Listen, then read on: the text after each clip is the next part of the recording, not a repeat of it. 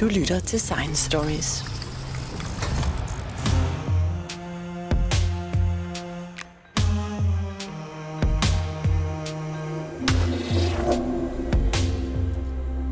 Mit navn er Christoffer Karof, og jeg er astronom her på, på Aarhus Universitet.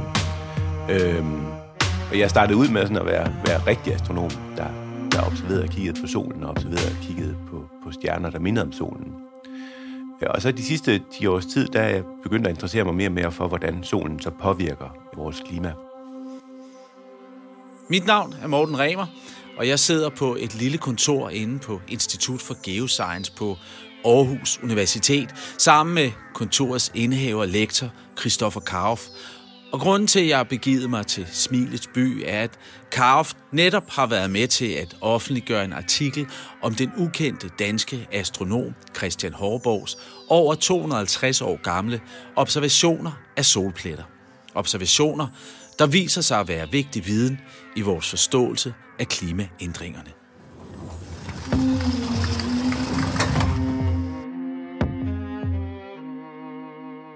Den her opdagelse, dig og en kollega har gjort, af det her data, som er over 250 år gammel, lavet af en for os almindelige dansker ukendt astronom, som hedder Christian Horbro. Det, det, det staves H-O-R-E-B-O-W-S. Horeborgs, men altså, han hedder Christian Horbro. Hvordan øh, faldt I over det? Det er en idé, der går i hvert fald 10 år tilbage, hvor jeg i en, øh, en gammel undervisningsbog fandt en reference til, til Christian Horbro, og noget med, at det, det måske var ham, der faktisk havde opdaget øh, solens cyklus. En opdagelse, som man ellers tilskriver en tysker, der hedder Heinrich Schwabel, som, som gjorde opdagelsen 80 år senere eller sådan noget. Øh, så det har altid lidt interesseret mig, og så har jeg også set nogle referencer til, at alle hans notesbøger faktisk skulle befinde sig på Aarhus Universitet et sted.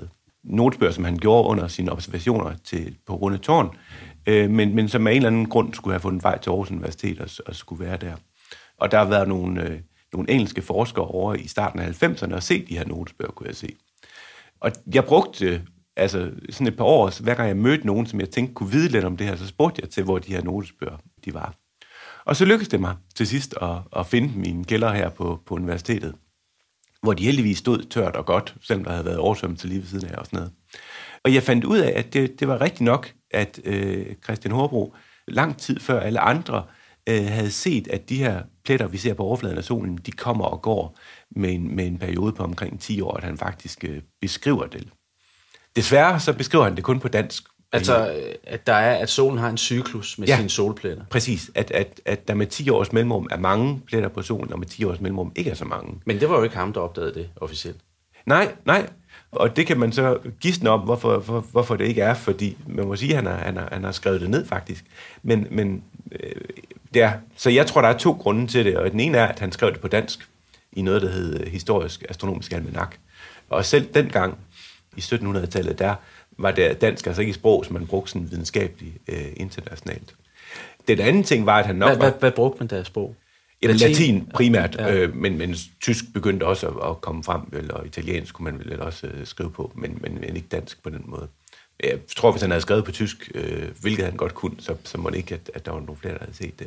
Men problemet var også, at han var kommet, så at sige, bad standing blandt astronomer, astronomer i Europa. Ja, kan du lige sige, hvornår er det her? Det er jo i 17, 1700... Og par 70. Par 70. Og ja. han havde foretaget de her observationer inden for Rundetårn. Ja. ja. Øhm, det, det skal vi høre mere om senere. Okay. Men, øh, men han var kommet i bad standing. Ja, øh, i forbindelse med, med en, øh, en observation, det vi kalder en Venus-passage, altså hvor Venus bevæger sig ind foran øh, solens skive og skygger for noget af, af lyset fra solen. Og det var et, en af de sådan, første virkelig store videnskabelige programmer i verden, hvor man havde utrolig mange observatorier på øh, hele kloden, der skulle... Så det var altså en international... International projekt, projekt, og det skulle han så levere observationer eller data til, til en, en, en astronom, der sad nede i Paris. Men desværre så, det ur, han brugte til sine data, altså til at sige, hvornår rører Venus ved solskiven, og hvornår den indår, gik forkert med et par minutter. Og det vidste han sådan set godt, og han havde også øh, beskrevet, hvordan man, man, man korrigerede for det. Men de korrektioner kom af en eller anden grund ikke til Paris, og derfor var hans data urolig. Altså, de kom ikke med i det, det brev? Han, Præcis, det kom ikke med i det brev.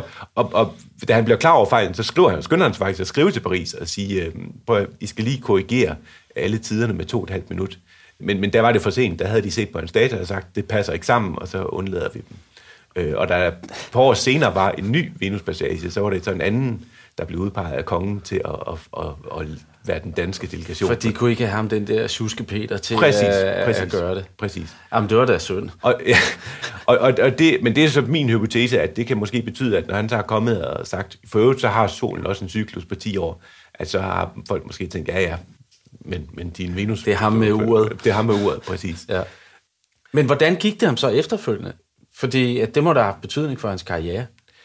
Det er sådan i slutningen af hans karriere, så, så han, øh, han dør, så vidt vides af andre årsager et, et par år efter, og arbejder på Rundetårn helt op til, til sin død. Altså det er faktisk sjovt, at vi... Han, han observerede jo så solen stort set hver dag, eller havde assistenter til at, at hjælpe sig med det. Og, og vi kan simpelthen se i de her observationslogbøger, vi har, den dag han dør, der stopper observationerne. Så, så han har været aktiv helt op til, til, til, til sin død. Vi har observationer over 14-15 år eller sådan noget fra ham i de her logbøger. Hver dag? Altså de dage, hvor der er Ja, ja, skyfrit. selvfølgelig. De Altså, dage, hvor der er skyfrit, skyfrie og dage. nogle gange flere gange om dagen. Men han skriver selv et sted, at, at, at han og hans far har observeret, at hans far var også øh, direktør for Rundetårn før ham og astronom, at de har observeret solen i, i 30 år øh, før det. Øh, de observationer er så øjensynligt gået tabt, enten i nogle af de her brænde, der var i København, Ja. eller i det her øh, bombardement, der var i 1817, hvor også nogle ting går tabt. Så han, han var en, en, en utrolig aktiv øh, observatør, og han, han arbejder meget ihærdigt på at prøve at forstå de her solpletter. Øh, og, og det er helt sikkert hans intention, at han vil komme ud med et større værk, der ligesom beskriver, hvad de her solpletter er. Øh, men det værk når han aldrig at udgive. Ja, fordi man ved i princippet ikke, hvad det er. Der er jo flere teorier om... Øh, altså, han har jo også sin egen teori. Præcis. Altså, de, øh, på det her tidspunkt, så bevæger øh, astronomer sig lidt i blinde, når de skal forklare de her mørke pletter på solen. Øh, I dag så ved vi, at de mørke pletter, det er steder med meget, meget stærkt magnetfelt. Men det var man ikke klar over på dengang. Man var ikke engang klar over, hvorfor solen lyste, altså at det skyldes, at, at vi har fusion af, af brint til, helium. Så der var idéer om, at, at det skulle være planeter, der bevægede sig ind foran, eller der er faktisk også gamle teorier, der går tilbage på, på dyr på solen. Christian Håbro, han havde så den idé om, at solen skulle have sådan en form for atmosfære, ligesom vi har her på jorden, og så under den skulle der være nogle bjerge. Og en gang imellem, så skulle den her atmosfære, eller skyerne i atmosfæren, ligesom sænke ned, så man kunne se de her bjerge nedenunder. Hvilket, altså, øh, givet at, at man jo havde jorden at gå ud fra, så var det ikke sådan en helt, helt dum teori. Men det betyder jo så, at så måtte solpletterne komme til syne de samme steder på solen, gang efter gang efter gang. Øh, og det var det, han havde sat sig for. Så ville han simpelthen lave et kort over bjergene på solens overflade. Men fordi solpletterne ikke kommer til syne de samme steder gang efter gang efter gang, øh, så, så kunne han ikke lykkes med det her projekt. Og jeg forestiller mig, at han havde siddet i sit kammer øh, i mange, mange timer og prøvet at tegne det her kort, og ikke kunne få det til at makke ret, og var- utrolig frustreret over det. Det fortæller jo også noget om, hvad man vidste om solen på det tidspunkt. Ja. For det var jo meget lidt. Meget, meget begrænset. Øh, og derfor synes jeg også, det er imponerende, hvor utrolig øh, nøjagtige observationer han faktisk formår at lave af solen. Altså hans og øh, detaljegraden, når han beskriver de her pletter, er, er øh, altså virkelig høj i forhold til, altså også, eller, den er ikke højere, end vi har i dag, men sammenlignet med i dag, så, så, så, så kan man godt. Øh, og på den måde, altså, han kommer jo også altså, ud af en meget, meget stolt dansk astronomitradition med, med, med først Tycho Brahe og så Ole Rømer, som, som var direktør, før hans far blev direktør, og så bliver han, øh, bliver han selv direktør. Og nu tror jeg nok stadigvæk, at de store astronomer i Danmark, det vil være Tycho Brahe og Ole Rømer, men øh, måske vi skal begynde at tage Christian Hobro med derefter, som, som personen, der opdagede solens cyklus.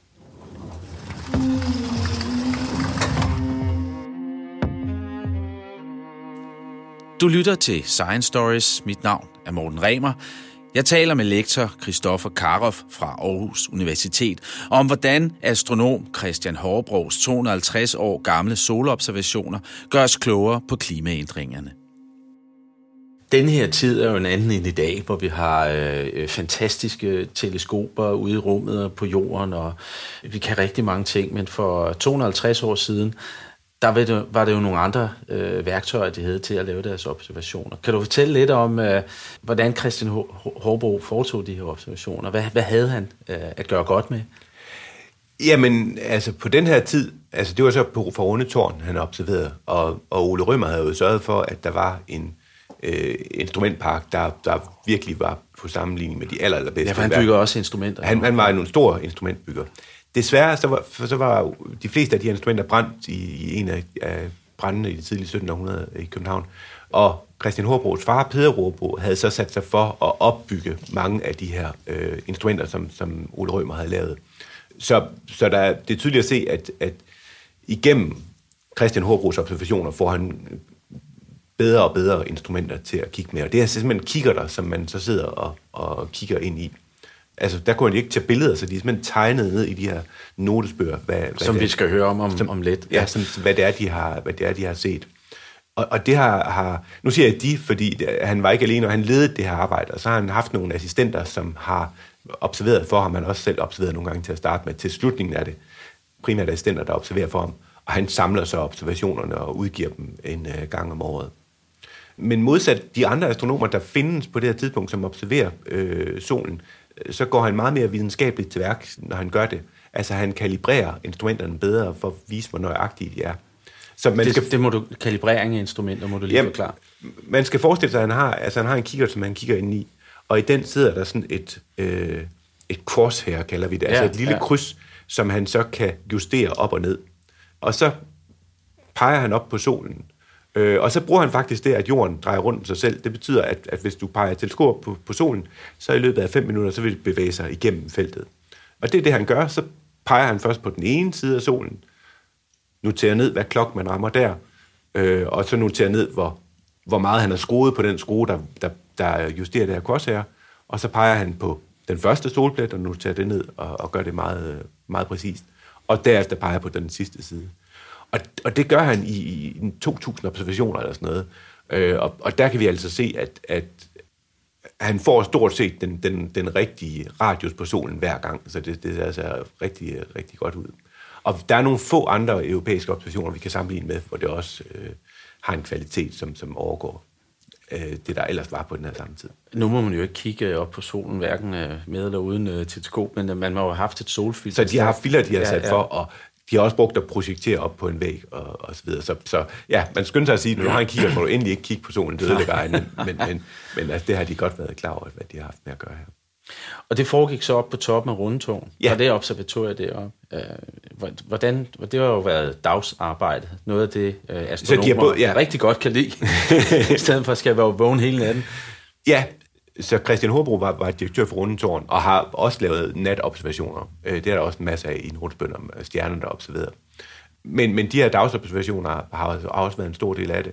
Og så tilbage til det her med, med ugerne, der ikke gik, øh, at, at tiden var altså lidt et generelt problem dengang, fordi at de her mekaniske uger, de tabte tid.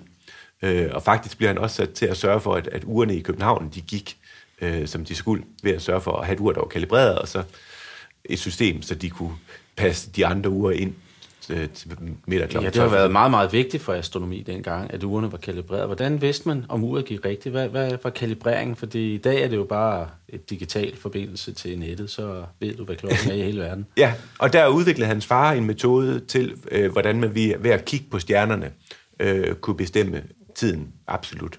Øh, så det har været noget af det, de har, har kunne, altså man kunne bruge stjernerne. De så det, det er en gammel teknologi, man faktisk har haft lidt adgang til? Altså metoden? Ja, ja, nej, det er jo, den, jeg vil sige, den var i udvikling dengang. Nå, okay. altså, så, men man har brugt øh, stjernerne til at forsøge at kalibrere de her uger. Det er også næsten det eneste, man har haft. Her i starten fortalte du lidt om de her logbøger, altså der, hvor den data, som øh, Christian Hobro, han øh, skrev ned i de her bøger. Og de, de ligger her ved siden af os øh, i, og ser meget gamle ud, kan jeg helt sige. Meget brunt, slidt øh, omslag, øh, og ligger i en fin øh, kasse her fra universitetet. Der er endda et par hvide handsker ved, som du har brugt. Det, ikke? Det, men det var faktisk ikke for at beskytte bøgerne. Det var for at beskytte dig selv, kunne jeg forstå. Ja, primært for at beskytte mig selv. Ja. Der er noget med det her blæk, det kan blive lidt giftigt. Nå, okay, tiden, fra så, den gang. Så, ja, øh, så godt. Hvad mindre man går ud og vasker fingre bagefter. Ja, så det og, og det, dem, dem har du hentet nede i arkivet her. Dem har du adgang til nu i kraft ja. af det en del af din forskning.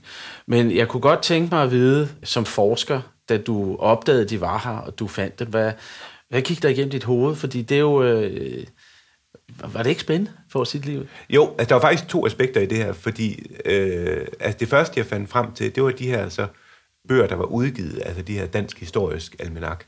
Øh, og det var der, han på dansk havde skrevet om den her opdagelse af solens cyklus. Så det var det første, jeg fandt. Det var ikke dataen, det var simpelthen det, hans artikler. Ja, det, ja dataen ja. var nu også i de artikler, men, ja, okay. men ikke, øh, ikke alle tegningerne. Nej, og, nej. og så, så gik der vel øh, altså lidt tid, en måned eller to, før jeg faktisk fandt notesbøgerne, og, og detaljegraden i de notesbøger, det slog mig. Jamen, kan du ikke øh, tage dine hvide handsker Jo. på, og så vise det lidt, så skal jeg prøve at, at beskrive det. Ja, så, øh, så det er simpelthen... Øh, Er du på størrelse med en A4? Lidt større end A4? ja, så det er nogle store bøger med, med tykke sider, Ja. som har ligget højst sandsynligt, i hvert fald nogle af dem, altså simpelthen i, i observatoriet, mens de har observeret. Og så har de øh, tegnet og skrevet ned i de her logbøger, øh, hvad det er, de har observeret. Der er dels... Ja. Altså, dels, Guldnede er, sider, kan man se i kanten. dels nogle, Ja. nogle stjerneobservationer, og så er der sådan nogle små ja, skitser af solen. Ja, er det illustrationer, ja. ja. Hvor de har angivet, hvor der er pletter henne på, på solens overflade, og så er de her pletter markeret med forskellige øh, bogstaver. Øh, Det er jo den fineste bliktegning og blikskrift. Øh, skrift. Ja. Øh, det er meget småt. Dengang kunne de skrive i hånden på en måde, som vi har glemt i dag. Ja, det må man sige.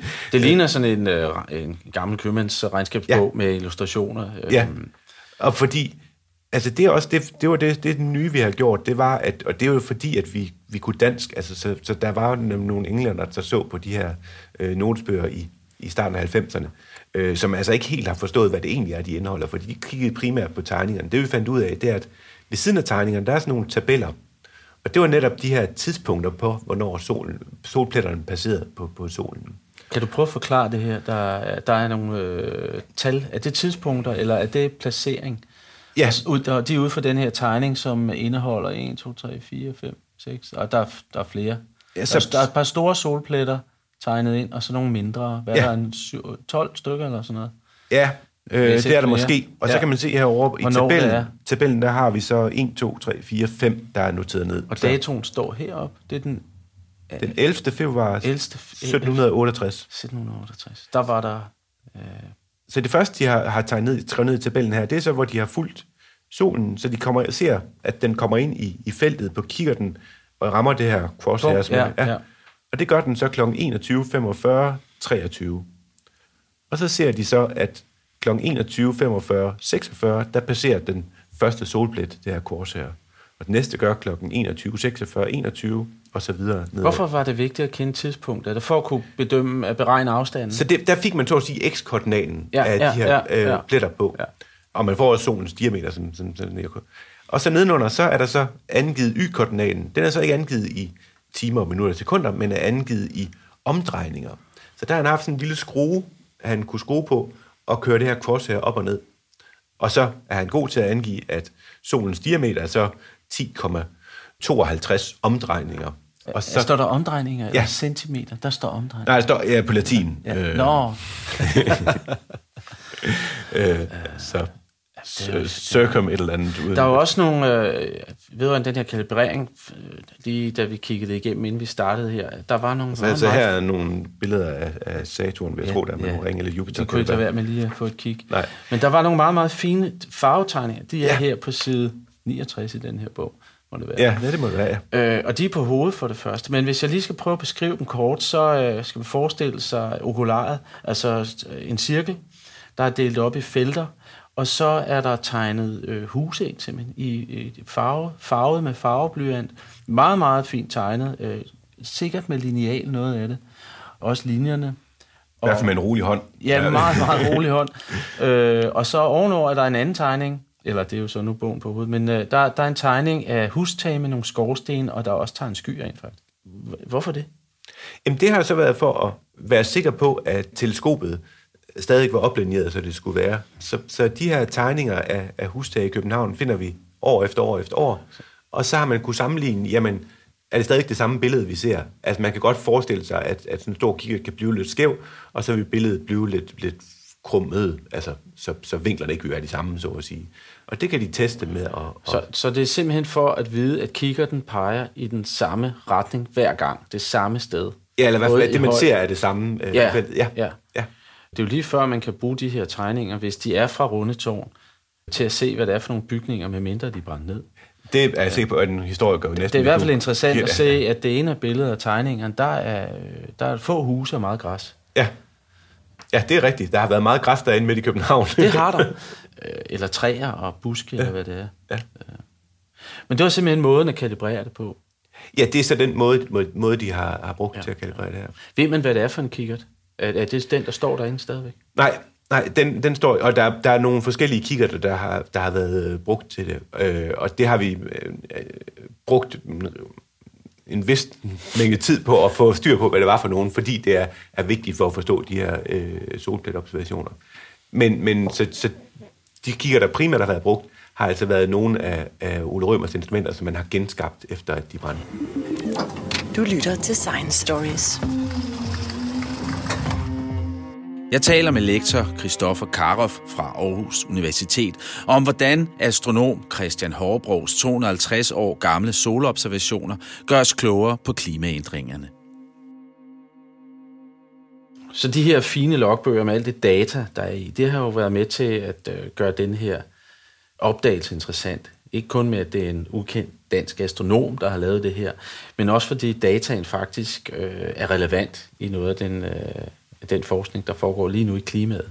Ja. Men inden vi kommer til det, så vil jeg godt høre, hvor præcis er det, det han lavede, selv om hans tids, øh, hans ur, da han foretog mange observationer, det han sendte ned til den der fællesforskning, øh, hvor brugbart er det? Er, det? er det noget så gammel data, over 250 år gammelt, kan det virkelig bruges i dag? Øh, det kan det, og, og det var også derfor, at, at vi er i gang med det her projekt. Det er, det er fordi, at, at vi tænkte, at vi kunne tvinge lidt mere ud af de her, information, af de her observationer, end, end der var gjort øh, hidtil.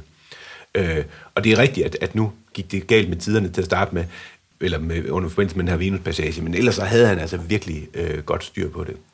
Øh, og, og det vi jo så netop kunne få ud af de her observationer, det var positionen af solpletter på, på solen. Øh, indtil nu, der har man kun sagt, jamen der var en solplet, eller ej. Mm. Ikke hvor den var henne. Øh, og, og der ved vi, at over den her 11-årige cyklus, som solen har, der bevæger solpletterne sådan længere og længere mod ekvator. Så de starter ved sådan 30 grader nordlig eller sydlig bredde, og så bevæger de sig mod ekvator, som den her 11-årige cyklus øh, mm. skriver frem. Det har vi set de sidste 100, 200, ah, 150, siden 1850 eller sådan noget. Og det kalder man for et sommerfuglediagram. Hvis man har ja. de her pletter, der bevæger sig ned mod ekvator, som tiden går, og, og plotter dem efter hinanden, altså 100 år, så ser det ud som nogle sommerfugle, der er, er trykt ind på papiret. Og det lykkedes os faktisk øh, at bruge Christian Horbrugs data til at lave et sommerfuglediagram for midten af, af 1700-tallet, som er uden sammenligning med nogle andre observationer, man har på det her tidspunkt. Øh, og, og det kunne faktisk svare på nogle spørgsmål i forbindelse med, at solen har opført sig lidt specielt, når vi går tilbage i, i 1600-tallet og 1700-tallet.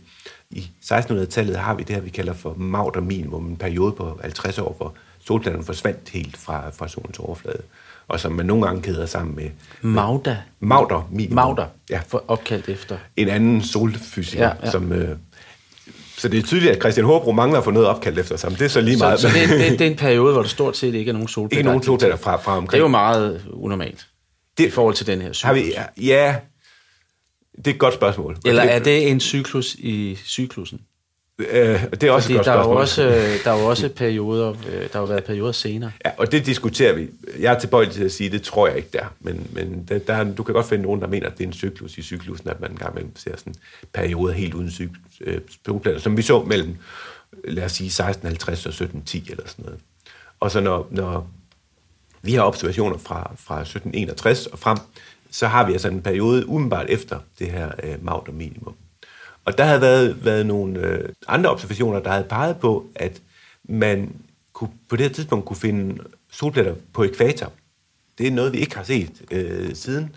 Noget, vi ikke ser i dag. Altså solpletterne kommer aldrig Ja, fordi de arbejder op fra, fra Præcis. Siger, 30 og så kommer de ned. og så mødes tæt på omkring ekvator. Ja, men de rører aldrig ekvator i dag.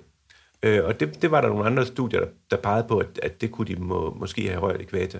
Og der kan vi vise med Christian Håbrose, de rører altså ikke ekvator. Det har han ikke registreret simpelthen. Nej, og derfor øh, hælder vi måske til at sige, jamen, de andre observationer, der peger på, der var, der var, øh, at der var solpletter på ekvator, kvaliteten har måske ikke været god nok til at justere, om de var ved ekvator eller 15 grader over. Altså præcision. Præcisionen har ikke været, været, været høj nok. Det ved vi ikke, øh, altså hvis vi går frem i starten af 1700-tallet, men, men, men det kunne måske godt pege i den retning. Det her data, øh, hvad er det for noget? Han, han, det er jo ikke kun observationer, er der er også noget med størrelse af solpletter. Er det tegningerne, man ser det, eller har han fundet måde at beskrive det? For det er jo ret væsentligt også for øh, Nej, beskrivelsen har, af solpletter. Ja, det er rigtigt, og han, det har han ikke en, en måde at, øh, at beskrive på, og øh, det vil vi rigtig gerne vide, hvor store de her solpletter er. og det er en af de ting, vi prøver at arbejde på nu. Øh, nu bare den ene tegning, øh, ja. du viste mig, der var der jo tydelig forskel på størrelserne. Ja.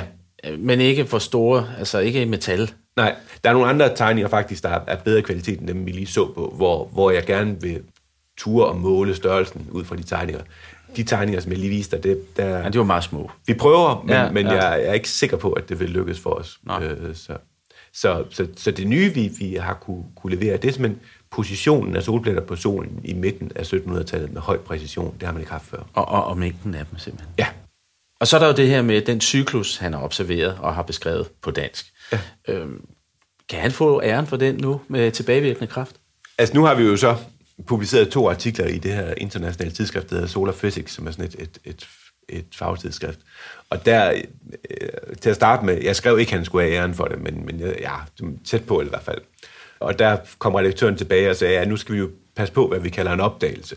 Fordi altså, han siger, at nu er der gået 10 år, hvor der har været mange solpletter, nu, eller nu er de forsvundet igen, og så bliver det spændende at se, om de så vil komme igen. Han, han siger ikke ordret, jeg har målt solens cyklus til 10 år. Det siger Heinrich Svabel 80 år senere, så, og derfor så får æren for det. Men altså, det er tydeligt i hans observationer, cyklusen er der. Så det er hans data, Præcis. der afslører det, og men hans... han har ikke selv sagt det øh, på skrift? Det, det, det bliver så op til diskussion, for han har sagt, den, har, den, den er periodisk, og nu kommer de igen. Og det så, synes jeg da godt nok. Det synes jeg sådan set også, men, øh, men, men i, hvad hedder det? Sådan i, i videnskab, der skal man anlægge sådan et forsigtighedsprincip, så, øh, så, så han, jeg tror, vi skal sige, at Heinrich Svabel bibeholder æren for solens cyklus, ellers tror jeg, at vi bliver uenige med for mange. Øh, men, men at Christian Horbro altså havde 80 år før dataen til og observationerne til at sige det. Øh, og, og derfor er en, en, en astronom, der altså skal ind i, i astronomihistorien og, og Danmarks historien, så må vi se, om vi kan finde noget andet, der opkaldt efter ham end, end, end solens cyklus. Nu har det jo også haft den konsekvens, at opdagelsen af de her logbøger og, og, og, og hans arbejde, det har jo også startet et andet projekt. Ja, det var faktisk også en af grundene til, at vi gik i gang med det overhovedet. Så jeg vil sige, der var to grunde til, at vi gik i gang med det her projekt. Og når jeg hele tiden siger vi, så var det en, en, en specialstuderende, øh, jeg havde. Og så nogle kollegaer i Potsdam i, i Tyskland, som, som har været med ind over det her. Øh, og det ene var det her med at afklare, jamen, opdagede han virkelig cyklus. Det andet var, at der har været en stor interesse for at kalibrere antallet af pletter på, på solens overflade. Altså, så, så vi må erkende, at selvom Christian Horbo var dygtig til at observere solpletter, så var han ikke lige så dygtig, som vi er i dag, hvor vi har adskillige satellitter, som for eksempel SOHO, der konstant monitorerer øh, solen. Så derfor skal man skulle kalibrere og sige, okay, når, når Christian Horbro så 15 pletter på solen, hvor mange vil de så svare til i dag? Og derfor har vi begyndt at gå tilbage i alle de logbøger, som vi nu kan finde rundt omkring. Og, og i det arbejde var Christian Horbros observationer virkelig vigtige, øh, fordi de, de dækker en periode, hvor der stort set ikke er andre øh, observationer. Og så er spørgsmålet, jamen, hvor mange pletter så Christian Horbro på solen i forhold til, hvor mange vi så i den del af det 20. århundrede, der var flest. Og det var også en af grundene at gå tilbage øh, og kigge på det her. Øh, og der kan vi altså se på nogle af hans billeder, at det er altså sammenligneligt med de dage i, i det 20. århundrede, hvor vi har set så flest øh, pletter på solen. Altså, hvis, hvis jeg på en af de dage i for eksempel 1950'erne, hvor der var rigtig mange pletter på, på solen, havde sat mig foran Christian Horbros kikkert og prøvet at notere ned, hvor mange pletter der var på solen, så, så tror jeg faktisk ikke, jeg havde fundet flere, end han fandt der i midten af, af 1700-tallet. Og det rører ved ideen om, at, at solen øh, skulle have et stort ansvar for den globale opvarmning, vi oplevede de sidste 100-150 år. Men inden vi går videre med klimastarken, så kan man, vil jeg jo godt høre lidt mere om det her. Øh, fordi det er jo en form for, den her med at kigge tilbage på meget gamle data, er jo en form for astronomisk arkeologi. Det er jo en, en forholdsvis ny disciplin inden for astronomien. Ja, det er noget, vi har set blomstre op inden for de sidste øh, få 5-10 år eller sådan noget. At, at vi bliver meget interesseret i de, de historiske optegnelser, der er af, af fænomener på, på himlen. Og der spiller solen selvfølgelig en vigtig rolle, fordi det har været en af de lette ting at, øh, at observere. Der, der er nogen, der har, har, simpelthen har navngivet en ny disciplin, der hedder Thea-astronomi, der ligesom skulle gå ud på at bruge forskellige fænomener, vi ser på jorden, til at forstå astronomien. Øh, så, så nu ved jeg ikke, man, man på Så det måde... er forfinet, forfinet øh, discipliner, øh, meget, ja. meget skarpvinklede, kan man vel sige. Ja, ja, for, nu er folk hurtigt til at finde på nye navne for det, de laver. Så, så, øh, men der er ingen tvivl om, at vi ser en opblomstring i at forstå historiske øh, astronomiske data i, i de her tider. Og det er dels de her gamle øh, solplanobservationer, og så er det også i høj grad øh, observationer fra Asien, fra Kina specielt, hvor det er altså gået op for os, at der har været astronomer i, i, i flere tusind år der.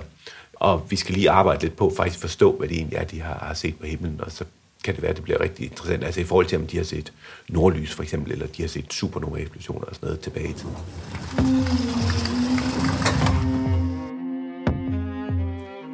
Du lytter til Science Stories. Mit navn er Morten Remer.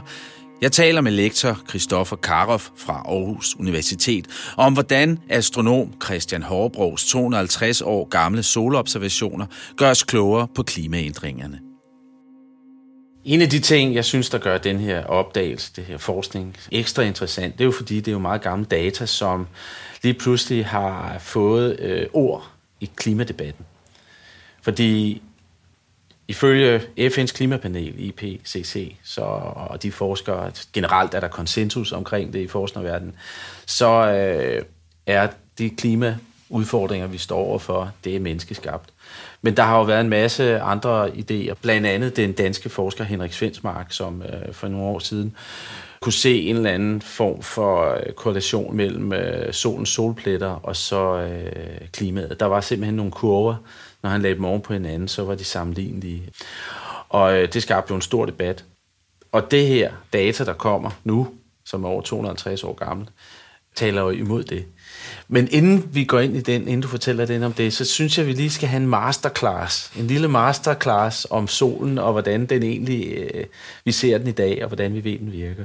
Ja, og det ser jo faktisk ud, som om Christian Horbro også er med til at åbne det felt, fordi efter han har beskrevet sin idé om, at, at, at solplanerne kan være, være cykliske og sådan komme og gå, så siger han faktisk, at nu bliver det spændende at se, om, om solplanerne så vil komme tilbage, og hvad betydning det vil få for luften her på jorden. Så han er selv inde på tanken om, at det kan påvirke øh, klimaet.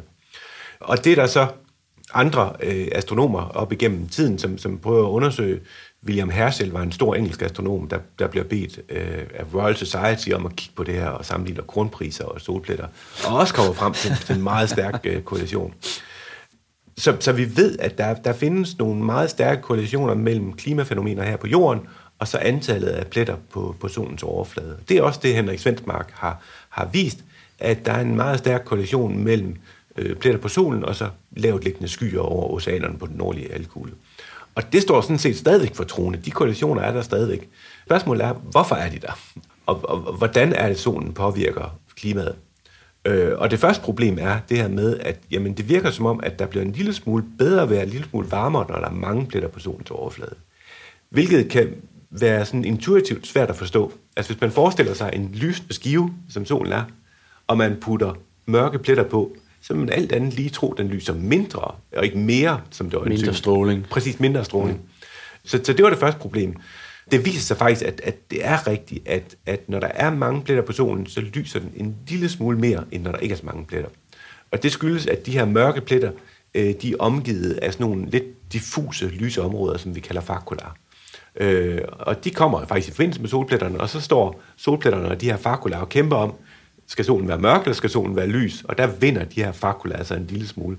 Men meget let. Øh, så over sådan en solcyklus, øh, så ændrer den mængde energi, eller den lys, vi modtager fra solen. Det er, det er de der 11 år, man snakker ja, om i gennemsnit. med, med, med under 0,1 procent. Og det er altså for lidt til at give store klimaændringer, som vi har set med global opvarmning. Og det er jo så der, hvor Henrik Svensmark kommer på banen og foreslår det, han kalder en sekundær mekanisme til, hvordan solen kan påvirke øh, jordens klima. Og den sekundære mekanisme går så over de her kosmiske stråler. Og det kan... må du gerne forklare. Så, så det, som vi ved i dag, som Christian Horbro ikke vidste, det er, at de her magnet, øh, solpletter, de skyldes stærke magnetpletter på solens overflade. Og de her magnetfelter går faktisk ud og danner hele den her heliosfære, som, som omslutter alle planeterne i solsystemet, og beskytter os fra de kosmiske stråler fra galaksen. Det er sådan nogle elektrisk ladede partikler gerne, der kommer, det kan også være neutrale partikler for den til skyld, der kommer fra supernova-eksplosioner, kommer ind og rammer solsystemet, men når de møder solens magnetfelt, så bliver de langt de fleste af dem altså båret af og sendt, sendt væk igen, så at sige. Men det betyder jo så også, jamen, mængden af kosmiske stråler, som kommer ind og rammer os herinde i de inderste dele af solsystemet, afhænger af, hvor stærkt er solens magnetfelt, og dermed hvor mange pletter er der på solens overflade. Og det ved vi. Det har vi, det har vi rimelig godt styr på. Henrik Svensmark, det nye han sagde, det var så, jamen når de kosmiske stråler kommer ned og rammer jordens atmosfære, så kan de ligesom agere som, øh, og der brugte han det her eksempel med togkammeret. Altså, de her, der har set sådan et togkammer, på, op på Stenmuseet har de fået et nyt, utroligt smukt togkammer, hvor man kan se sådan kosmiske stråler kommer ind og rammer togkammeret, og så danner de sådan nogle streger eller ringe, fordi det her vanddamp inde i togkammeret kondenserer på de her kosmiske stråler. Og det samme foreslog Henrik Svendmark kunne ske i vores atmosfære. Når de kosmiske stråler kommer ind og rammer atmosfæren, så på en eller anden måde får de vanddampen til at kondensere derude, og det danner skyer. Og det har der også været noget debat frem og tilbage om. Det er muligt, at Henrik Svendmark var bare sådan lidt for kategorisk i sin måde at se på det her, i hvert fald til at starte med, hvor han sagde, at, at han kunne forklare hele den globale opvarmning. Det er nok det, der synes at være enighed om nu, at, at det, det er en brik i spillet, men, men måske ikke den, øh, den vigtigste brik. Der er andre sekundære mekanismer, som, øh, som nok har mere vind i sejlene i dag. Altså nogen, der ser på for eksempel ultraviolet udstråling fra solen, som også, altså nu sagde jeg, at den totale mængde energi modtager fra solen, den kun ændrer sig med 0,1 procent over sådan en 11-årig solcykel. Men mængden af ultraviolet lys modtager ændrer sig meget mere, fordi det ultraviolet lys bliver dannet i forbindelse med de her magnetfelter. Øh, og så, så går teorierne på, at det ultraviolet lys går ind og varmer vores ozonlag op. Det er fordi ozonlaget beskytter os for de ultraviolette stråler. Og så varmer den del af atmosfæren op, som ozonlaget ligger i, altså stratosfæren. Det ved vi godt, det kan vi måle. Øh, og så har der været nogle nye teorier om, hvordan det kan påvirke os øh, her på jorden og, og give, øh, give klimaændringer. Men, men der er det, er, det, er det vigtigt at gøre opmærksom på, at de klimaændringer, der kommer ud fra den her mekanisme, de er lokale eller regionale og ikke globale. Det vil sige, at, at vi faktisk i dag ved, at det, der definerer vinterværet i Danmark, Skandinavien og, og England, er faktisk primært solen. For det har at gøre med, med hvordan solen opvarmer atmosfæren. Ikke så meget sådan, hvad skal man sige, middeltemperaturen over et år, men lige præcis øh, hvad om vinteren, altså i høj grad styret af solen. Hvordan er den her data, 250 år gammel data, blevet modtaget i klimadebatten? Jamen, at, at de forskere, jeg kender, altså Henrik Sensmark inklusiv, at de jo blevet positivt modtaget. Altså, der er jo fra, fra alle dem, jeg kender, der arbejder med det her, et ønske om at øge vores forståelse af det her jord- og solsystem. Og, øh, og det øh, tror jeg på, at de her data bidrager med. Øh, og man kan sige, altså udover at beskrive dataen, beskrive Christian Horbrugs observationer, så en af de ting, vi har gjort, det er faktisk, at vi har øh, affotograferet alle de her notesbøger og gjort øh, online tilgængelige for alle, så at andre kan komme og, og analysere dem. Det kan så være lidt svært for nogle af dem, fordi at, at der er mange danske passager. Så vi har faktisk, de, de ting, han har udgivet på dansk, har vi til med også oversat. Så, så vi, det har også været et ønske at jamen, give andre mulighed for at dykke ned og prøve at forstå det her så godt som, som, som muligt. Så, så det, som, som, som vores, vores genanalyse af Christian Horbos observationer peger på, er jo så, jamen måske var antallet af solpletter her i midten af 1700-tallet sammenlignet med de perioder i det 20. århundrede, altså 1950 osv., hvor vi så flest pletter på, på solen. Og det betyder så også, jamen, at alt andet lige, så har solen øh, så nok haft en mindre indflydelse på den globale opvarmning, end vi forestillede os dengang vi troede, at der ikke havde været ret mange solpletter i midten af 1700-tallet. Og det samme faktisk så også for midten af 1800-tallet. Det er så ikke ved jeg direkte det her studie, men det er der andre, der har, har peget på, på, på, på samme øh, teknik til. Men det ændrer jo så ikke ved de altså, øh, korrelationer, man ser rundt omkring. Altså de korrelationer, som, som, som Henrik ser mellem kosmiske stråler og skyer, og som man ser mellem vintrene i, i Skandinavien og, og England. Øh, Øh, og som vi også, altså for nylig har vi udgivet et studie, hvor vi kigger på, på, på det her øh, El Niño-fænomen, hvor vi også ser, ser stærke korrelationer. Så ja, vi, vi er kommet væk fra, hvor det er sådan en, en, en diskussion om, hvorvidt den globale opvarmning skyldes solen eller skyldes øh, CO2. Så simpelt er billedet ikke længere. Og vi kan, vi kan vise mange steder, hvor solen har en rigtig vigtig rolle på, på klimaet, og måske også den dominerende. Bare ikke alle steder, og ikke generelt. Men, men det er jo vigtigt at få de steder med, hvor solen har den dominerende rolle, for at vi faktisk kan forstå CO2's rolle i, øh, i klimaet, og derigennem lave nogle troværdige fremskrivelser af klimaet, i tilfælde af, at vi ikke får stoppet med at udlede CO2. Altså, der er jo ingen tvivl om, at solen påvirker klimaet hver dag, hele tiden, 24-7. Ja. Men det her med, at det er årsag til klimaændringerne, det er man lidt ligesom gået væk fra. Er det det, du siger? Ja, og, ja altså det vigtigste argument for mig, og jeg må sige, at jeg har ændret min holdning. Altså for 10 år siden vidste jeg ikke, hvad der var den største årsag til global opvarmning, om det var solen eller CO2. Men det vi har set de sidste 10 år, er, at solaktiviteten eller antallet af pletter på solen har været meget aftagende, mens temperaturen altså er steget i samme periode. 10 år er sådan lige øh, kort nok interval til at sige noget, noget, noget mm. Præcis, Jeg vil meget hellere have 15 eller 20 år. Der er rigtig mange interne klimafænomener, der har en periode på 10 år. Men, men, men for mig, så, så, øh, altså, så bygger det en rigtig god sag op for, at, at den dominerende faktor på klimaet i de her år, det er altså CO2. Du lytter til Science Stories.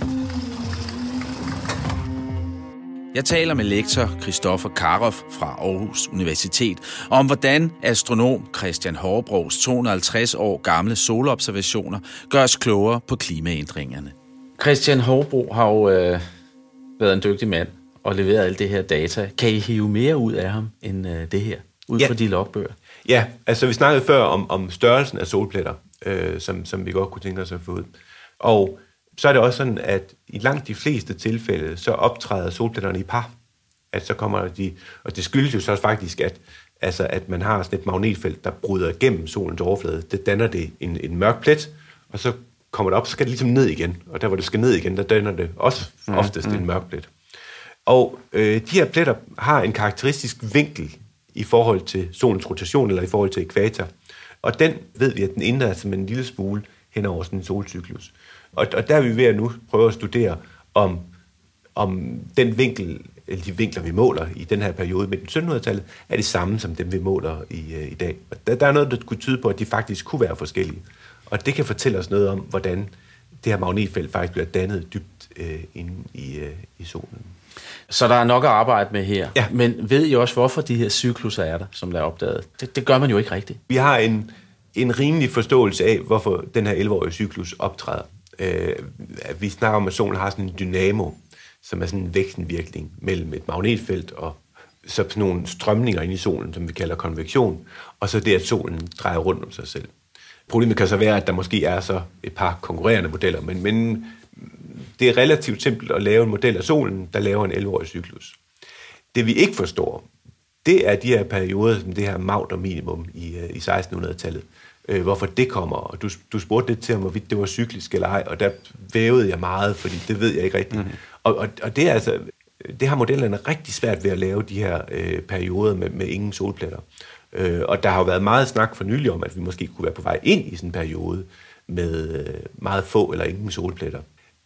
Men, men sandheden er, at vi ved det ikke, altså, fordi vi aner ikke, hvad de skyldes, så, så det er meget svært at sige. Og altså, hvis det sker, så, så må man alt andet lige forvente en eller anden form for, for forsinkning i, i den globale opvarmning. Eller i hvert fald, at den globale opvarmning ikke bliver så slem, som den, som den ellers vil have blevet.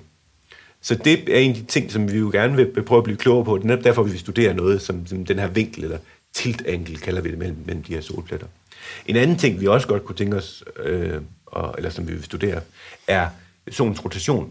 Fordi det er sådan, at solen roterer ikke som det, vi kalder et stift læme, altså som en, mm. en fodbold. Hvis man, man tager og drejer en fodbold rundt, så alle punkter på fodbolden vil dreje rundt med samme vægtlig hastighed.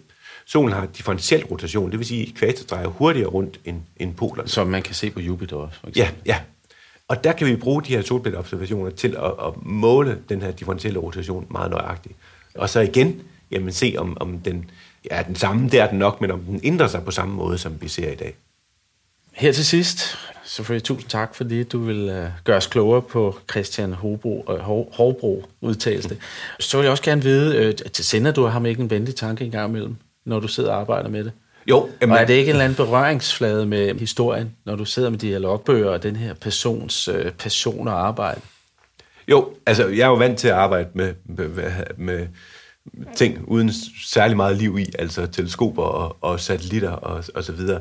Så, så på den måde er det nyt for mig at arbejde med noget, der er meget mere historisk, altså, og hvor jeg jo har brugt noget energi på at søge alt information om ham, for at få at finde ud af, jamen, altså, for det første, hvad var det, der drev ham, hvad var det, der fik ham til at lave de her observationer, og, og, og altså det, der, det her med, jamen, hvor, hvor dygtig var han i forhold til sin samtid. Og, og det har da altså næsten givet personligt i forhold til ham at, at læse så meget om ham.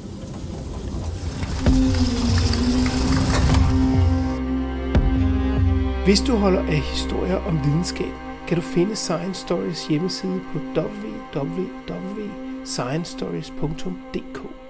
Vi er på sociale medier som Facebook, Instagram, LinkedIn og Twitter.